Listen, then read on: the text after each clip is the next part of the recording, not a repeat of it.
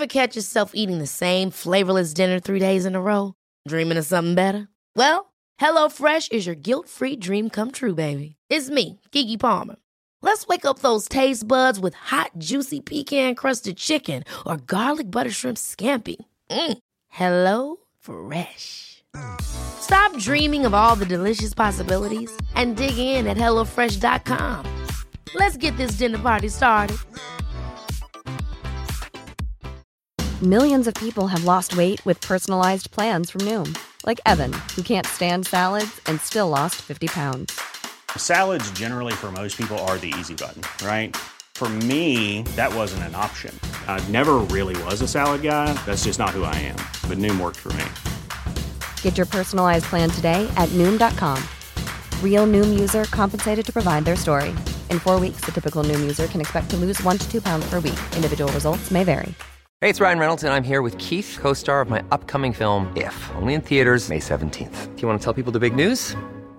All right, I'll do it. Sign up now and you'll get unlimited for $15 a month in six months of Paramount Plus Essential Plan on us. Mintmobile.com slash switch. Upfront payment of $45 equivalent to $15 per month. Unlimited over 40 gigabytes per month. Face lower speeds. Videos at 480p. Active Mint customers by 531.24 get six months of Paramount Plus Essential Plan. Auto renews after six months. Offer ends May 31st, 2024. Separate Paramount Plus registration required. Terms and conditions apply if rated PG. I can discuss some of the psychological aspects of the case. You've got to get a hold of yourself. Now look here, Johnson, I'm going to get to the bottom of this. I can discuss some of the psychological aspects of the case. And you're really crazy, you know that? Oh, yes, I remember that. Is this any concern of yours? Stop, stop, stop it now, I mean it. Ja, hei, det er psykolog Sondre Livre her. Diagnosen er dessverre svært alvorlig. Det viser seg at alt du tenker og føler er feil. Du må for all del ikke stole på hjernen din, den lyver. Alt du opplever er filtrert via nevroser fra ubevisste avkroker. Hvis du følger nøye med, er det en liten mulighet for at jeg kan hjelpe deg. I can some of the I can some of the I can some of the psychological aspects of the case. Well, I'm just losing my mind, that's all. Du må ikke tro på hjernen din.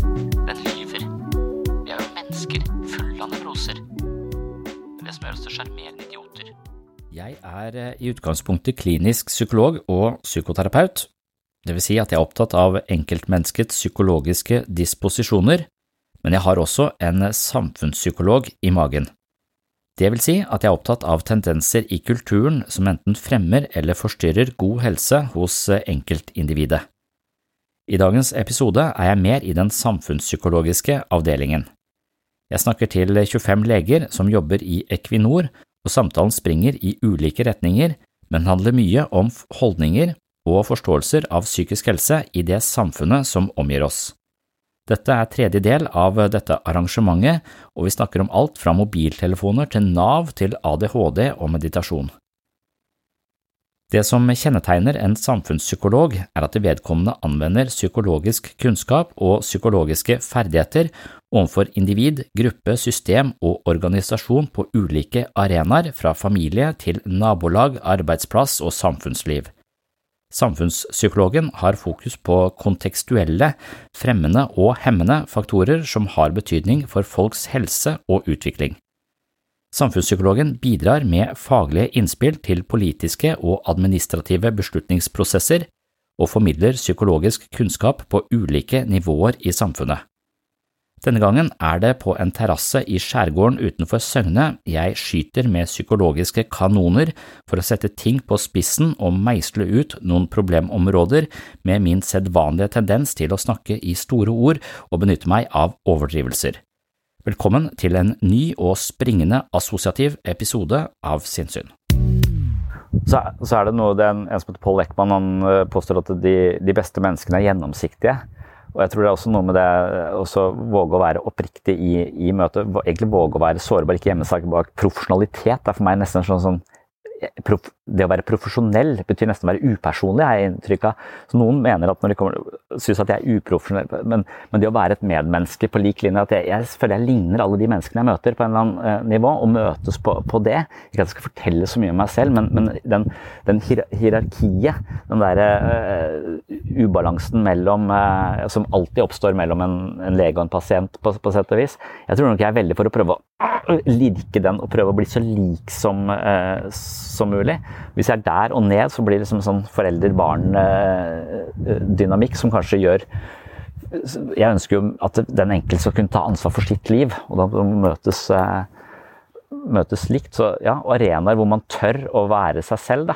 Jeg tror, det han mener er jo hvis jeg kan være hvis jeg kan være meg selv her, sånn som jeg er hjemme, og på fotballkamp her ute etterpå med, med, sønnen min, så slipper jeg å drive så mange bokholderier, på sett og vis. Og veldig mange av de menneskene jeg møter, de har en måte, en sosial persona, og så har de en som de tenker de er. Og de to henger ikke sammen i det hele tatt. Og da er det slitsomt å være en sånn sted, for da må du på en måte spille en, spille en rolle. Og det å få de to litt mer sammen, at den du føler deg som, og den du fremstår som, kan være litt mer helt.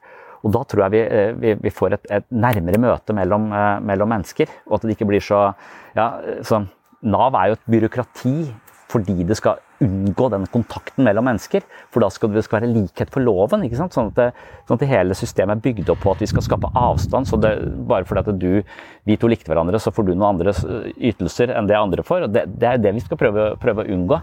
Men så har vi kanskje gått helt i andre retning. at Det er bare eh, hierarki, eller det er jo bygd opp for å bli, være upersonlig. Da blir vi jo Kafka, da, i, eller vi blir Josef K i prosessen hvor vi føler oss eh, som et brikke i et eller annet sånt stort, og så får vi eksistensiell angst. og det å si at folk skal snakke sammen, det, det, det, det tenker jeg er kjempeviktig. Også, men så tenker jeg det som vil være utfordringen, altså å pumpe inn kunnskap om ja, kanskje en form for psykologisk kunnskap i det systemet eh, også. Sånn at det, det sånn som det du sier med, med barn eh, og et, et, fenomen som dukker opp, er skolevegring. Det var ikke når jeg vokste opp på 80-tallet. Da var det, ingen som, skole, det var ikke noe alternativ å ikke gå på, uh, på, skolen. Og det var heller ingen som ikke gikk på skolen. Altså, de gikk bare uansett. Men, uh, mens nå så har du de sier 3,7% av barn er utenfor uh, for skolen.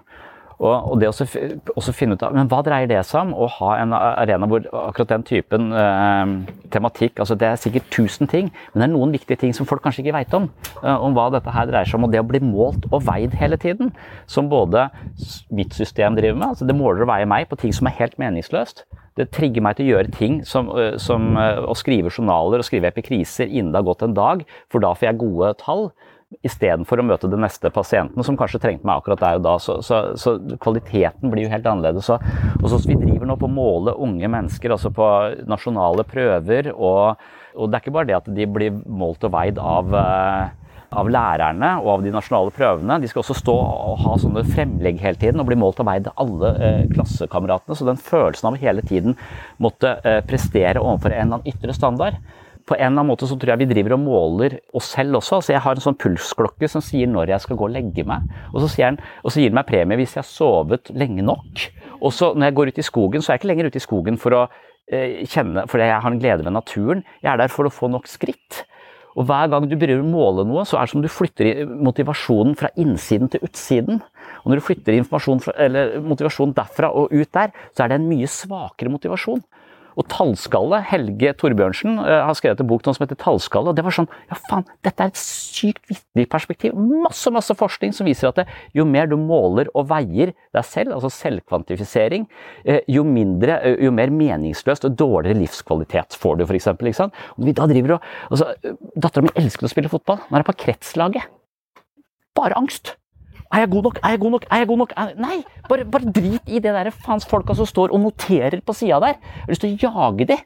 For de, de, dreper eh, den spontaniteten hun hadde i fotballen. Og, og, og det, er så, det, er så, mange sånne, sånne, perspektiver. Så når vi snakker sammen, hvis vi da har en sånn kunnskapsbank i bånn der, og det er det jeg kanskje ønsker at det, eh, Equinor skal være. og Det er også sånn jeg opererer når jeg underviser på universitetet, istedenfor at jeg skal stå der og lese opp pensum for det så kan jeg ha sagt noe om det på forhånd, og så kan vi diskutere det der. Vi kan lære å tenke rundt det som er. Og måten å få For meg, da, så, så det er sånn podkastfantast. Jeg får informasjonen min via øret. For det er tre barn får ikke lest heller. så det er, gang, det er lydbøker, eh, lydbøker, det går i. Hvis man da har en slags felles sånn referansepunkt i en, en, gruppe, hvor man kan nettopp løfte den typen tematikk som handler om omgås, det mellommenneskelige, snakke om følelser, hva vil det si å være sårbar, eh, egentlig? Og, og, og, det er utrolig mange gode stemmer på det. Kunne man fått det liksom inn, så hadde man et slags et redskap for den samtalen. Og det tenker jeg må være hvordan når du 18 000 med et redskap for en, for en samtale. Og det er der, så nå merker jeg at jeg egentlig er eh, mer ute på sånn salgsgreie. ja. Jeg mener at eh, mindfulness-tradisjonen har solgt seg, seg litt svakt inn, eller de har solgt seg litt sånn alternativt inn, som du sier. Så det er ikke nødvendigvis noe god innfallsvinkel. Det, men det vi kjemper imot, er jo, er jo Ritalin. Så, så du, du, du, er jo quick fix kontra å trene opp din egen hjerne. Så for meg, så når, når halvparten av henvisningen kommer på at folk har konsentrasjonsproblemer, kan det være ADHD, så har jeg lyst til å svare eh, det kan godt hende, men prøv å meditere i eh, ett år først. Eh, for, for det, hvis du ser på oppmerksomhet som kondisjon, da, Altså, la oss si at Hvis jeg har dårlig kondisjon, så legger ikke jeg meg inn på hjerte og lunge for å, for å ikke sant? Altså, du får jo ikke jeg skal jo ikke på sykehuset fordi jeg har dårlig kondisjon. Jeg skal ut i skogen og jogge. Og jeg tror det er litt sånn med oppmerksomhet også. Hvis jeg ikke har oppmerksomhet å følge med altså Veldig mange eh, har en henvisning på tror jeg ADHD, for det er vanskelig å konsentrere meg om kjedelige ting. Ok! Men det er jo en av livets store kamper er jo å konsentrere seg om kjedelige ting. Og så det å eie sin egen oppmerksomhet og ikke la den hele tiden være styrt av alt det som foregår rundt oss. Og vi fostrer opp barna med disse iPadene, som er at den tar, stjeler vår oppmerksomhet. Vi eier ikke oppmerksomhet lenger. Så jeg klarer ikke å finne på noe. Jeg eier ikke min egen oppmerksomhet. Og det er en treningssak. Og når vi ikke når vi vokser opp da uten å trene det i noe særlig grad, så, så blir vi jo litt hjelpeløse. Og da trenger vi og, og hvis vi har da blitt enige som samfunn at da skal alle gå for amfetamin for å klare å, konsentrere seg litt bedre, greit for meg. Jeg gidder ikke å ta mine uh, altså Jeg er jo ikke så negativt innstilt til narkotika, men, men, men det er Eh, så, så, det å si at ja, men vet du hva, hjernen er plastisk, hjernen er som en muskel. og Det viser at hvis du trener den på samme måte som du trener kroppen din, så kan den endre seg. Og hvis du trener i meditasjon ved egentlig bare holde oppmerksomheten i et sted, så øker massetettheten i den delen av hjernen som koordinerer sanseinntrykk fra ulike modaliteter. Den får dobbelt så stor massetetthet hvis du har eh, meditert så, så lenge. Og det kan nok gjøre noe med eh, konsentrasjonsevnen din. Eller en annen ting jeg bruker. Sånn, eh, jeg snakker mye om superbruker og, og, det å være bruker. For jeg tror folk er fanga i operativsystemet sitt, som har så mye oppmerksomhet. Men det å virkelig være superbruker, det betyr jo å observere seg selv uten å dømme det.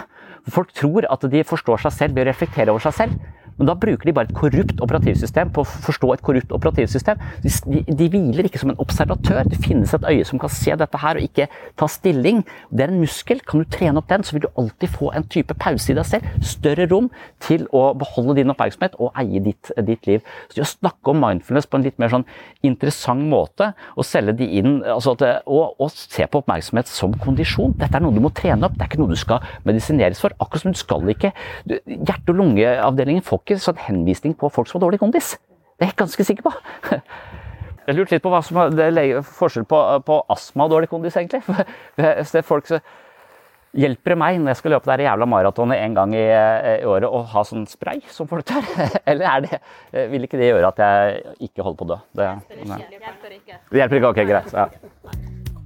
Det er fordi at algoritmene er så smarte. at de, de, Og de tjener jo penger på vår oppmerksomhet, så, så, det der er jo sånne skitne algoritmer som er livsfarlige. Men jeg mener at det finnes en slags infrastruktur, eller det burde vært et slags uh, politi på, på hvordan liksom, vi lager en by med noen grønne lunger, og altså, vi lager en by som folk kan trives i, og vi vet hva vi må ha. Hvis du ikke har grønne lunger i en by, så vil depresjonen øke ganske mye. Så Du må ha en del elementer i, eh, i, i, miljøet for at folk skal trives der. Og det samme tror jeg man må ha uh, digitalt. At man må ha en slags sånn idé om hva slags miljø man vil ha digitalt for at mennesker skal trives. Og det tror jeg kommer etter hvert. Men foreløpig nå så er det bare anarki og, anarki og kaos. Men, men, jeg tror det finnes absolutt uh, eh, apper og digitale ting som, eh, som, kan tjene oss på en god måte. Men så er det disse tingene. Og det, det der med, med, med, de sosiale mediene er jo fordi det skaper nettopp denne sammenligningen og en list som, som du ikke lever opp til. En slags sånn kronisk følelse av tilkortkommenhet. da, For du kan alltid sammenligne deg, oppover. Og det er egentlig sånn hele kapitalismen er bygd opp, at vi mangler ting om å ha noe mer. Fordi vi ser at andre har det, og nå får vi bare se så mye mer av hvordan folk har det for å få det, få det bra. Så den følelsen av hele tiden mangle noe for å komme videre, den, den, den, også, den, holder jo hele det økonomiske systemet vårt eh, flytende. Så hvis folk begynner å bli tilfredse, så går det til helvete med økonomien. Da. Så der har vi et slags eh, dilemma. Så jeg er bekymra for de, de, sosiale mediene, men jeg mener også at, at det å, å, bruke det digitale på en, på en fornuftig måte, så, så jeg er en sånn som måler hva jeg bruker. Altså jeg bruker telefonen min. Fikk 92 eh, mer skjermtid eh, i, i, i vinterferien når Ukraina Da var jeg på hele tida og helt fanga, liksom. Men det var jo ikke i sosiale medier, det var eh, på, på nyhetsvarslene. Men jeg ser også hva slags apper jeg bruker. Og når jeg bruker da podkast-appen min, eller når jeg bruker lydbok-appen min, eller når jeg bruker meditasjonsappen min, så, så, så, tenker jeg at det er ganske grei bruk av, av tid. da. Men når jeg sitter gjerne og scroller i en eller annen Instagram-feed, så ble jeg suicidal nærmest etterpå. Jeg hater meg sjøl. Uh, og om ikke jeg skal skyte meg sjøl, skal jeg skyte de som har lagd den jævla feeden og gjort den såpass uh, interessant. Selv om jeg ikke husker noe av det jeg har sett. Det er jo mental junkfood, på en måte. da. Uh, som, akkurat som det er junkfood i byen også, så er det her mental, mental junkfood. Som ja, i og med at jeg ser en sånn eksplosjon i, i, ADHD, og kona mi jobber i, i ABUP, og hun slutter nå, for hun kan ikke Hun er nevropsykolog i tillegg. Og, og det å At alle mener at det er kan det være ADHD? Alle skal utredes for det, og det tar jo dritlang tid. Det setter en propp i systemet, så de som egentlig trenger hjelp, de får ikke hjelp. Fordi alle sitter og snakker med en eller annen lærer om de var litt urolige eller, eller ikke. Jeg satt på kontoret med en her forleden som skulle ha eh, Han skal få støtte for, eh, eller kompensasjon for klesslitasje fordi han har ADHD. Satt på kontoret mitt, hadde hull i buksa, men sa har du ikke kjøpt noe sånt? da? Jo, han hadde det. eh, så altså hvordan skal jeg kunne vurdere ja, Du er spesialist og skal kunne vurdere om jeg er urolig nok til å få, få kompensasjon for klær. Og Det er jo disse brukerorganisasjonene så, som, som, står i bresjen for at her skal de få kompensasjon for, uh, for uh, men, men, ja, jeg, hvordan, altså, hvis oppmerksomhet er noe som, som vi kan eie altså, Det er to typer oppmerksomhet. Det er liksom den som vi som vi selv iscenesetter, og så er det den mer refleksive. så Hvis noen roper på deg, så, så snur du deg. den øh, og når vi da hele Mobiltelefonen stimulerer den refleksive oppmerksomheten, den som vi på sett og vis ikke eier. Øh, og da blir det også tiltakende vanskelig å investere lenge i noe. Og det å investere lenge i noe, det jeg tror jeg er først da det skapes mening. Jeg tror det er veldig mange arenaer hvor vi ikke har øh, tålmodighet eller noe til å investere mening over lengre tid. Så det å vite om at eh, du blir eh, litt mentalt sløv og død av å bruke Spotify for mye, og ikke kjøpe en plate som du kan høre altså Det er først gjennom gjennomhøring nummer 100 at du oppdager noe i musikken som ikke var der fra før. Du kommer aldri dit når du bare kjører disse eh, spillelistene som er litt sånn Det er litt sånn som rus. ikke sant? Det er horisontproblemet. Vi får en umiddelbar tilfredsstillelse, men så tjener det ikke oss på lengre sikt. Miljøvern er fryktelig vanskelig for oss, fordi det, det, vi må gjøre nå, det får ikke noe umiddelbar konsekvens. Jeg våkner i morgen, så er det fortsatt, ser fortsatt helt greit ut, selv om jeg ikke kildesorterte eh, i går. og Sånn tror jeg det er også med mye av eh, måten vi oppfører oss på, på mobiltelefoner og sånn. Jeg tror ikke vi ser det snikende. Det er ikke som alkoholisme også, kommer jo ikke over natta. Det kommer jo altså, du ikke tar en drink og de spiller ikke sånn. Det er noe som bygger seg opp. Det er summen av en måte å leve på over, over lang tid. Og når du da har algoritmer som, som kun tjener penger på, på, vår oppmerksomhet, og vi får ikke en krone for det, da, da det er ganske farlig. Ja, ja, det er nettopp det.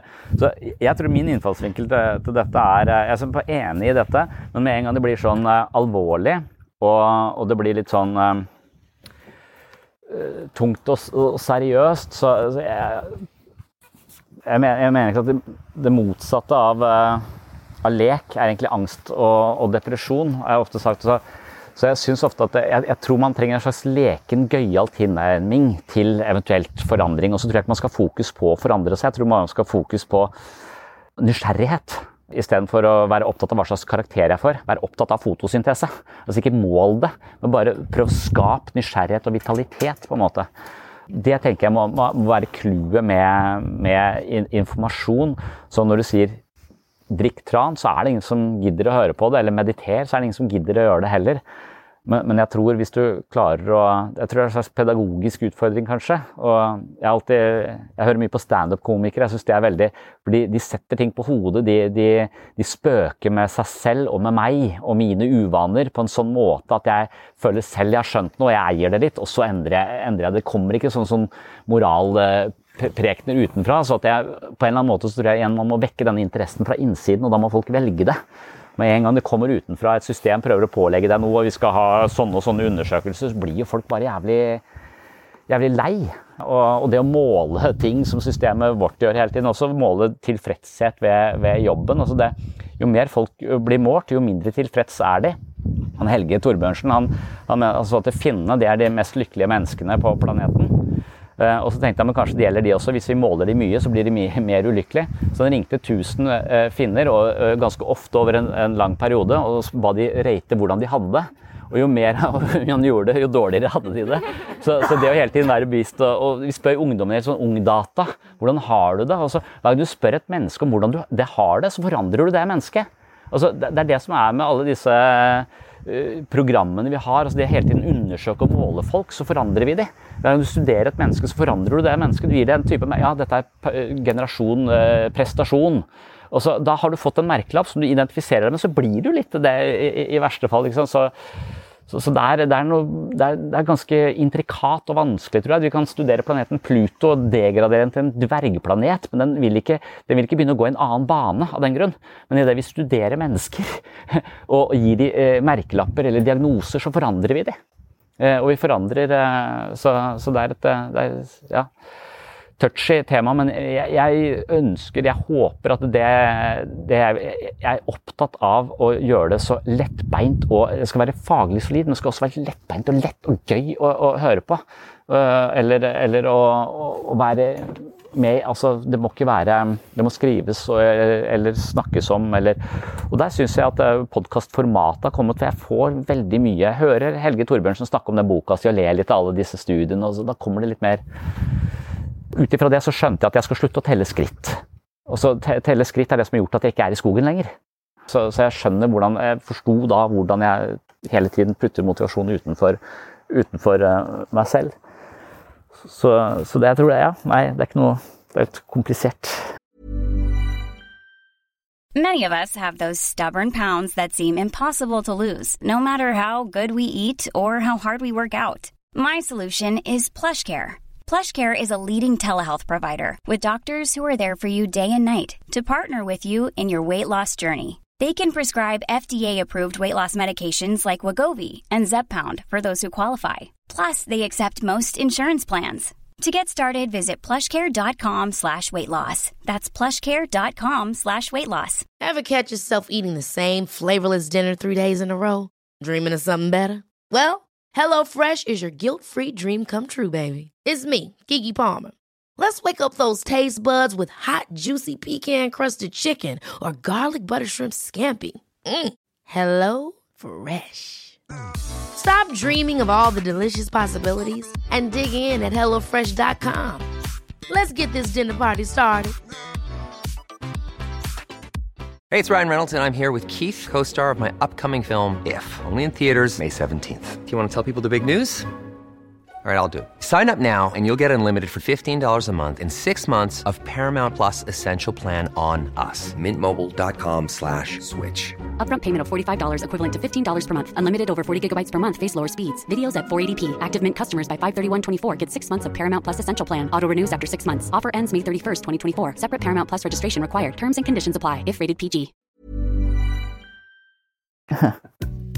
Jeg tror Man kan tenke at uh, mennesker er dårlige på det. Uh, det viser en studie som er gjort på en del uh, leger, hvor, hvor, de har sendt pasienten til en type hofteoperasjon.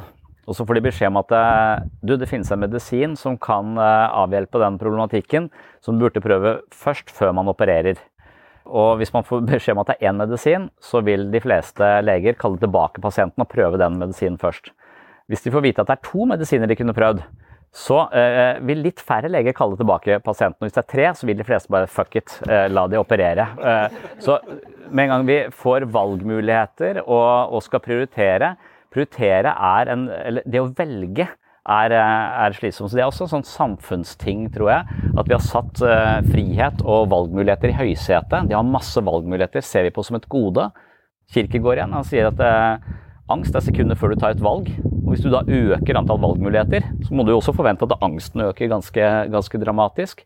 Så det å ha masse valg, det er ikke nødvendigvis bare et gode. Og det å skulle prioritere og hele tiden ta valg, det tror jeg er eh, såpass energikrevende at det gjør oss helt utmatta. Altså, etterpå må jeg innom butikken og handle. Og, og, bare det har jo blitt enormt vanskelig for meg. Det er, det er mer slitsomt for meg å gå og handle etterpå enn å sitte her og prate med dere. Altså, for jeg skal inn der, og så skal jeg kjøpe noe som er sunt, men som også barna liker. Og som, vi, som ikke har vi det, har vi ikke det. Altså, jeg bruker så ekstremt mye energi på å ta valg. Og så er det en mulig situasjon, for kona mi mener jeg skal spise sunt, og alt det hun mener er sunt, det liker ikke barna. Og, og så skal jeg velge i dette. Så, og det er enormt krevende å ta disse, eh, disse beslutningene, og hjernen er da på, på høygir. Så, så, det å gi oss valgmuligheter og be oss prioritere, det eh, overlaster eh, hodet vårt. Så sånn lifehacken det er jo egentlig å prøve å gjøre mye av livet sitt om til ting som ikke er et valg. Og Det mener jeg kanskje også er en, en ting som, eh, som, en del pasienter sliter med. At de ønsker helst frihet, ingen forpliktelser. Hvorpå de må velge sitt eget liv hver dag de står opp. De må velge hva de skal gjøre og ikke gjøre. Skal jeg, gå, skal jeg stå opp? Skal jeg stoppe nå? Skal jeg ikke stå opp nå? Det er, det er nesten det er helt umulig å bære største feilen jeg gjorde med hun yngste dattera mi, det var altså greint så mye for inn i barnehagen da, så, så jeg ja, vi, vi, vi, får bli hjemme i dag, da. Og da ble det et valg. Da ble det plutselig en mulighet. Og det ble et helvete i dritlang tid etter, etterpå, fordi det dukket opp en valgmulighet. Og det samme med trening. altså Hvis du skal drive og forhandle med deg sjøl Du er jo som en slags du er som slags underhus i England inni huet ditt, med sykt mange stemmer som mener noe om dette her. Nei, du har sovet litt dårlig i natt, du har ikke spist, du føler deg litt pjusk. Nei, men du må trene, for ellers så dør du for tidlig. Altså, det er tusen stemmer som kaster ting. Så hvis, valg, hvis jeg skal gjøre om trening i hverdagen min til et valg, så, så, så tror jeg jeg taper halvparten Eller da, det er helt random da, om jeg trener eller ikke. Så det å ikke gjøre ting om til valg, men gjøre det om til rutine. Noe du gjør uten å tenke deg om, og noe som ikke er oppe til forhandling. Det tror jeg er en life hack. Og det å da hele tiden sette det å skulle være, prioritere eller velge å gjøre sånn, det, det er vi dritdårlige på. Og det anstrenger oss, det gjør oss dritslitne. Og det, gjør oss, det, det opptar så mye energi, så hvis du kan gjøre ting på autopilot, så får du overskudd til å eventuelt tenke nytt. Eller, eller, så, så, for meg så er jo det å ha mest mulig rutiner, det er da jeg er friest. Altså A4-livet gjør meg ekstremt fri. For da veit jeg hva jeg skal, veit hvor jeg skal. Trenger ikke vurdere ferier. Hater jeg. Må finne ut av hver morgen hva du skal gjøre med barna. Og, og så barnehagen, skolen, jobben. Greit. Kan jeg tenke på masse ting inni huet mitt? Kan gå på tur inni hodet mitt? Men så jeg hele tiden må få valgt å finne ut av hva jeg skal gjøre. Og dette her driver jo veldig mange som er utenfor jobb med. Hver eneste dag må være jævlig slitsomt, tenker jeg. Så det å være fleksibel og, og Ja, jeg, jeg syns rutiner er undervurdert, og, og valg er overvurdert. Det er faktisk meg, for, det, for, jeg har en sånn type personlighet at, eh, at, du har jo noe som er eh, Ja, du har denne Meyer Briggs-personligheten som er litt sånn sketchy, det er ikke sikkert det er så veldig vitenskapelig. Men jeg er opptatt av å ha rutiner, for da har jeg fri på innsiden. Mens det er noen som er mer sånn eh, De driter i lar det være rotete rundt seg, men de er mer opptatt av å rydde på innsiden og ha frihet der. Mens jeg må ha det orden rundt meg for å ha frihet på innsiden. Så jeg veit hva vi skal i ferien. For hvis ikke, så, så blir det helt overload. Det er som hvis jeg, hvis jeg plutselig blir arbeidsløs, så, så jeg takla det uh, dårlig. Altså, veldig mange pasienter snakker med meg om at de ønsker å gå ned i stilling. de ønsker å, å liksom, Det blir for mye å jobbe. Og det er problemet at det er for mye å jobbe. Men har du tenkt på hvor jævlig vanskelig det er å ikke jobbe? Har du tenkt på hvor stor byrde det er å bære hvis du skal finne på hva du skal gjøre hver eneste dag for deg selv og skape mening? Altså Det å skape mening i et liv, det trenger jeg hjelp til. Jeg trenger noen som venter på meg, og jeg trenger å gjøre det i fellesskap. Jeg trenger å høre til en flokk. Og Hvis du da blir sittende utenfor arbeidslivet aleine og skal skape den meningen, Det tror jeg vi tror at vi klarer, men jeg tror nesten ingen klarer det. Jeg tror det er nesten stein umulig. Du skal i hvert fall være fryktelig integrert og, et modent menneske for å, for å få til det. Så jeg vet ikke om det har så mye med fleksibilitet og, Men jeg tror det har med valg altså Det er en bok som er skrevet 'Paradox of Choice', som heter Barry Swatch, som, som snakker om dette at vi har økt. Uh, vi har sett valg i høysetet. Det er uh, frihet og valg. Det er liksom spesielt det vestlige samfunnet setter veldig veldig høyt. Og Det betyr at vi har masse masse valgmuligheter, men det betyr også at vi begynner å tvile så mye. For det er så mye valg, og hva skal vi gjøre? Så vi bruker enormt mye energi på å, å ta de riktige valgene. Og, og, når vi da først har tatt et valg, så står vi ikke ved det valget. Vi tenker at det, hm, jeg kunne kanskje vært annerledes. Sånn at det, du får en sånn postvalgtvil også. Så egentlig så smører du tvil utover hele, hele livet. Så det er altså masse sånne life hacks i den boka hans ved å tenke at det, når du har tatt et valg, så står du ved det valget, og så fullfører du det. Du ser deg ikke tilbake. Altså, hvis du skal kjøpe et hus, da, så sitter du på Finn og og finner ut av hvilket hus du skal kjøpe. Og så kjøper du det huset, og istedenfor å trives der og, og, og, sette pris på det, så sjekker du på Finn om det er andre hus du kunne ha kjøpt isteden, som kanskje hadde vært billigere og bedre. Altså, folk driver, Det er nesten sånn automatikk å gå inn på, på, Finn for å undersøke. Det tror jeg er det dummeste du kan gjøre når du har, eh, når, når du har kjøpt et hus. Og jeg tror det er det dummeste du kan gjøre når du har gifta deg også. Altså, og fortsette å ha den Tinder-profilen. Altså, er det noe som var litt bedre enn hun jeg valgte? Ja, her dukker det opp. Jeg tar hun til venstre. Altså, hvis du hele tiden har valgmuligheter, så tror jeg det blir vanskelig å sette pris på det man har. Eh, og, det tror jeg også er en slags sånn eh, kulturell sykdom som gir seg utslag i en sånn type tvil og usikkerhet eh, som, som også skal behandles hos oss. det er jo og det, det, det, er nok det, så, så, der er jeg litt sånn delt på det. Jeg sier på en måte at ja, valg er Men, men jeg liker å ta valg selv, og så liker jeg å ville stå for fordi det er mer sånn personlig. Men når det kommer opp til et system, så liker jeg ikke å bli pålagt så mange ting. Altså, De ringte fra Heimevernet og sa at jeg måtte inn i Heimevernet. Uh, og så sa jeg ikke faen. Uh, og, så, og, så, kom det for en dag at jeg jobba i helsevesenet, og skulle ikke ha meg likevel. Og da søkte jeg om å komme inn. Skal, får ikke jeg være med? Så, så, så jeg må være kontrær i utgangspunktet. Så jeg liker ikke og, og, og, jeg vil si at veldig mange av de prosessene som foregår i sykehuset, er man liksom ikke en, Da blir man bare en slags Det er en slags overformynderi. Det er en slags byråkrati som bestemmer, og, og som egentlig fostrer en grad av mistillit, føler jeg, overfor eh, at vi kan det vi driver med. Eh, og at man kan stole på, på behandlerne. For jeg blir jo mer eller mindre detaljstyrt i det minste spørsmålet jeg skal stille pasienter de seks første timene vi møtes. Og, og det kommer fra en eller annen som de skal ha sånn standard der oppe.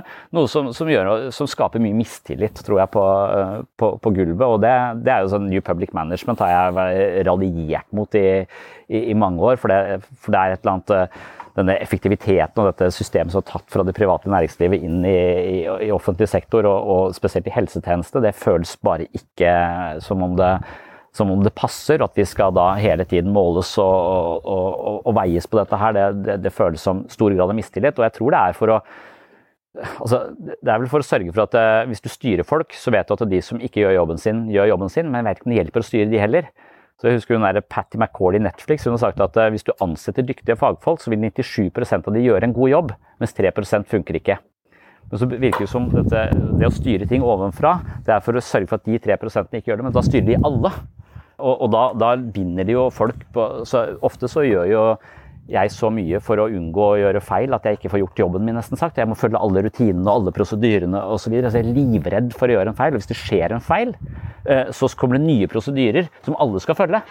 Så, så vi skal f.eks. Eh, komme nye pasienter til oss, så skal vi be de legitimere seg. For det er en eller annen dust som har eh, kommet inn i psykisk helsevern og fått noen medisiner han ikke skulle ha. Sikkert. På falskt navn. Og da mener jeg Hvis du sitter i gruppeterapi hos meg under falskt navn i et halvt år, da er du på rett sted. Altså, Da er du gæren. så, så, det, så, så, det er noe med ja, så, så, på en måte så vil jeg jo ha valg. Jeg vil kunne styre, jeg vil kunne stole på min egen kompetanse og være fri til å gjøre det innenfor visse visse rammer. Men, eh, men, samtidig, så hvis jeg skal hele tiden vurdere om vi skal gjøre sånn eller sånn, eller sånn, eh, det, det ville ta altfor mye kapasitet og, og, energi. Og så tror jeg den forandringen må komme Det er akkurat som alt det andre. Jeg må eie dette prosjektet selv. Jeg må ville det sammen med mine kollegaer. Vi må ha funnet ut at dette er lurt for oss, ikke noe som kommer eh, ovenfra. Det er akkurat samme med pasienter. Hvis ikke de finner ut at det å begynne å trene er viktig for meg, men jeg gjør det fordi terapeuten sier jeg må, så har vi denne motivasjonen utenfor, og den kommer til å holde i 14 dager.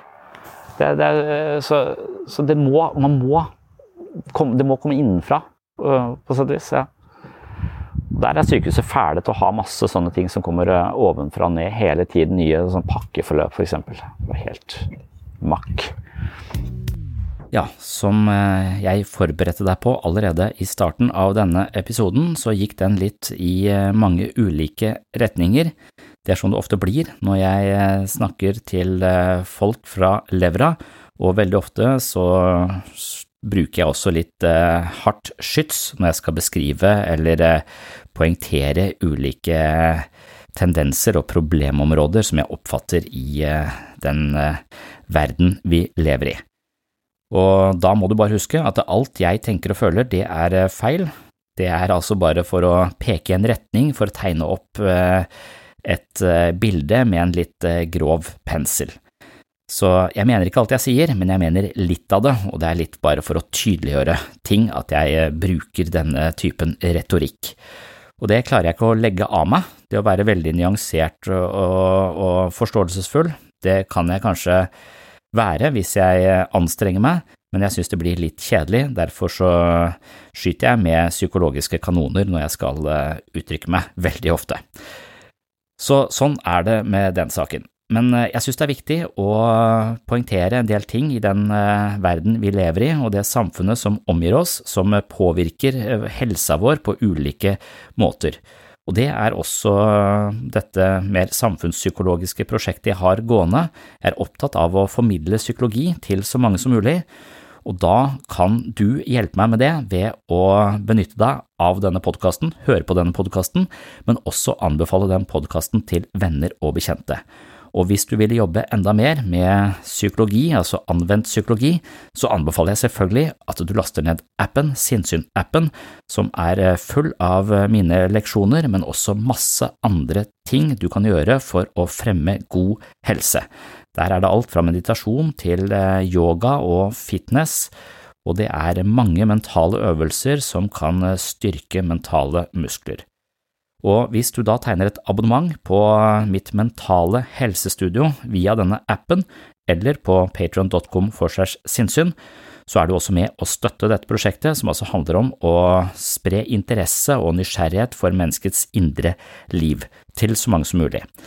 Så via et eh, abonnement der inne så hjelper du meg å kunne holde denne podkasten levende hver eneste uke og jobbe aktivt med dette prosjektet her sånn, og det synes jeg er kjempegøy, og derfor så er jeg evig takknemlig til alle dere som allerede er abonnenter på Sinnsyns mentale helsestudio, enten du er på Patron eller du er på denne appen. Appen det er eh, det siste tilskuddet, ikke når du hører denne episoden, for den da har appen eksistert en stund, men eh, når jeg spiller inn dette, så har jeg ganske nylig eh, lansert denne appen. Og den inneholder eh, litt mer enn en Patron, den er en litt bedre plattform, en litt bedre oversikt. Så hvis du er ny lytter her inne på Sinnsyn, så kan jeg vel anbefale deg å laste ned appen og tegne et abonnement der. Men Patron vil også inneholde det meste av det du finner i appen, men strukturen på Patron er litt mer uoversiktlig sånn situasjonen er akkurat nå. Men når du hører dette, så kan det ha endra seg, det kan være at Patron har eh, tatt mine innspill til etterretning og etter hvert etablert en app som eh, gir en litt bedre oversikt over det materialet jeg legger ut. For det er en kombinasjon av eh, lyd og video. Og jeg hadde også hatt ønske om litt andre elementer inn, noe som kanskje kommer etter hvert. Det var det jeg hadde for denne gang. Takk for følget, og velkommen tilbake i neste episode. Oh, I'm just losing my mind, that's all.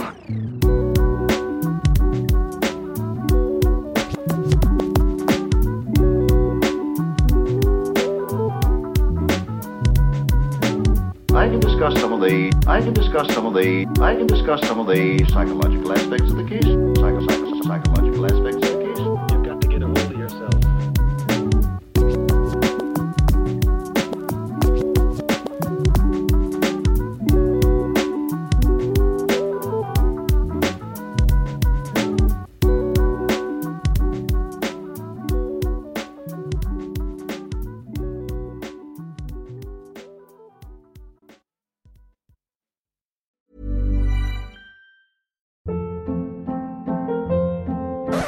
Hold up. What was that? Boring. No flavor. That was as bad as those leftovers you ate all week. Kiki Palmer here, and it's time to say hello to something fresh and guilt-free. Hello Fresh. Jazz up dinner with pecan-crusted chicken or garlic butter shrimp scampi. Now that's music to my mouth. Hello Fresh. Let's get this dinner party started. Discover all the delicious possibilities at hellofresh.com.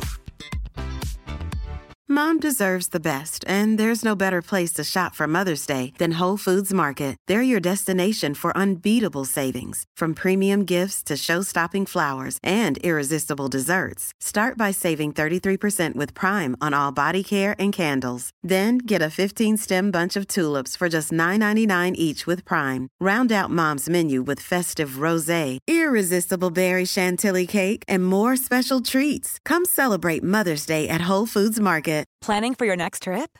Elevate your travel style with Quince. Quince has all the jet setting essentials you'll want for your next getaway, like European linen, premium luggage options, buttery soft Italian leather bags, and so much more. And is all priced at 50 to 80% less than similar brands.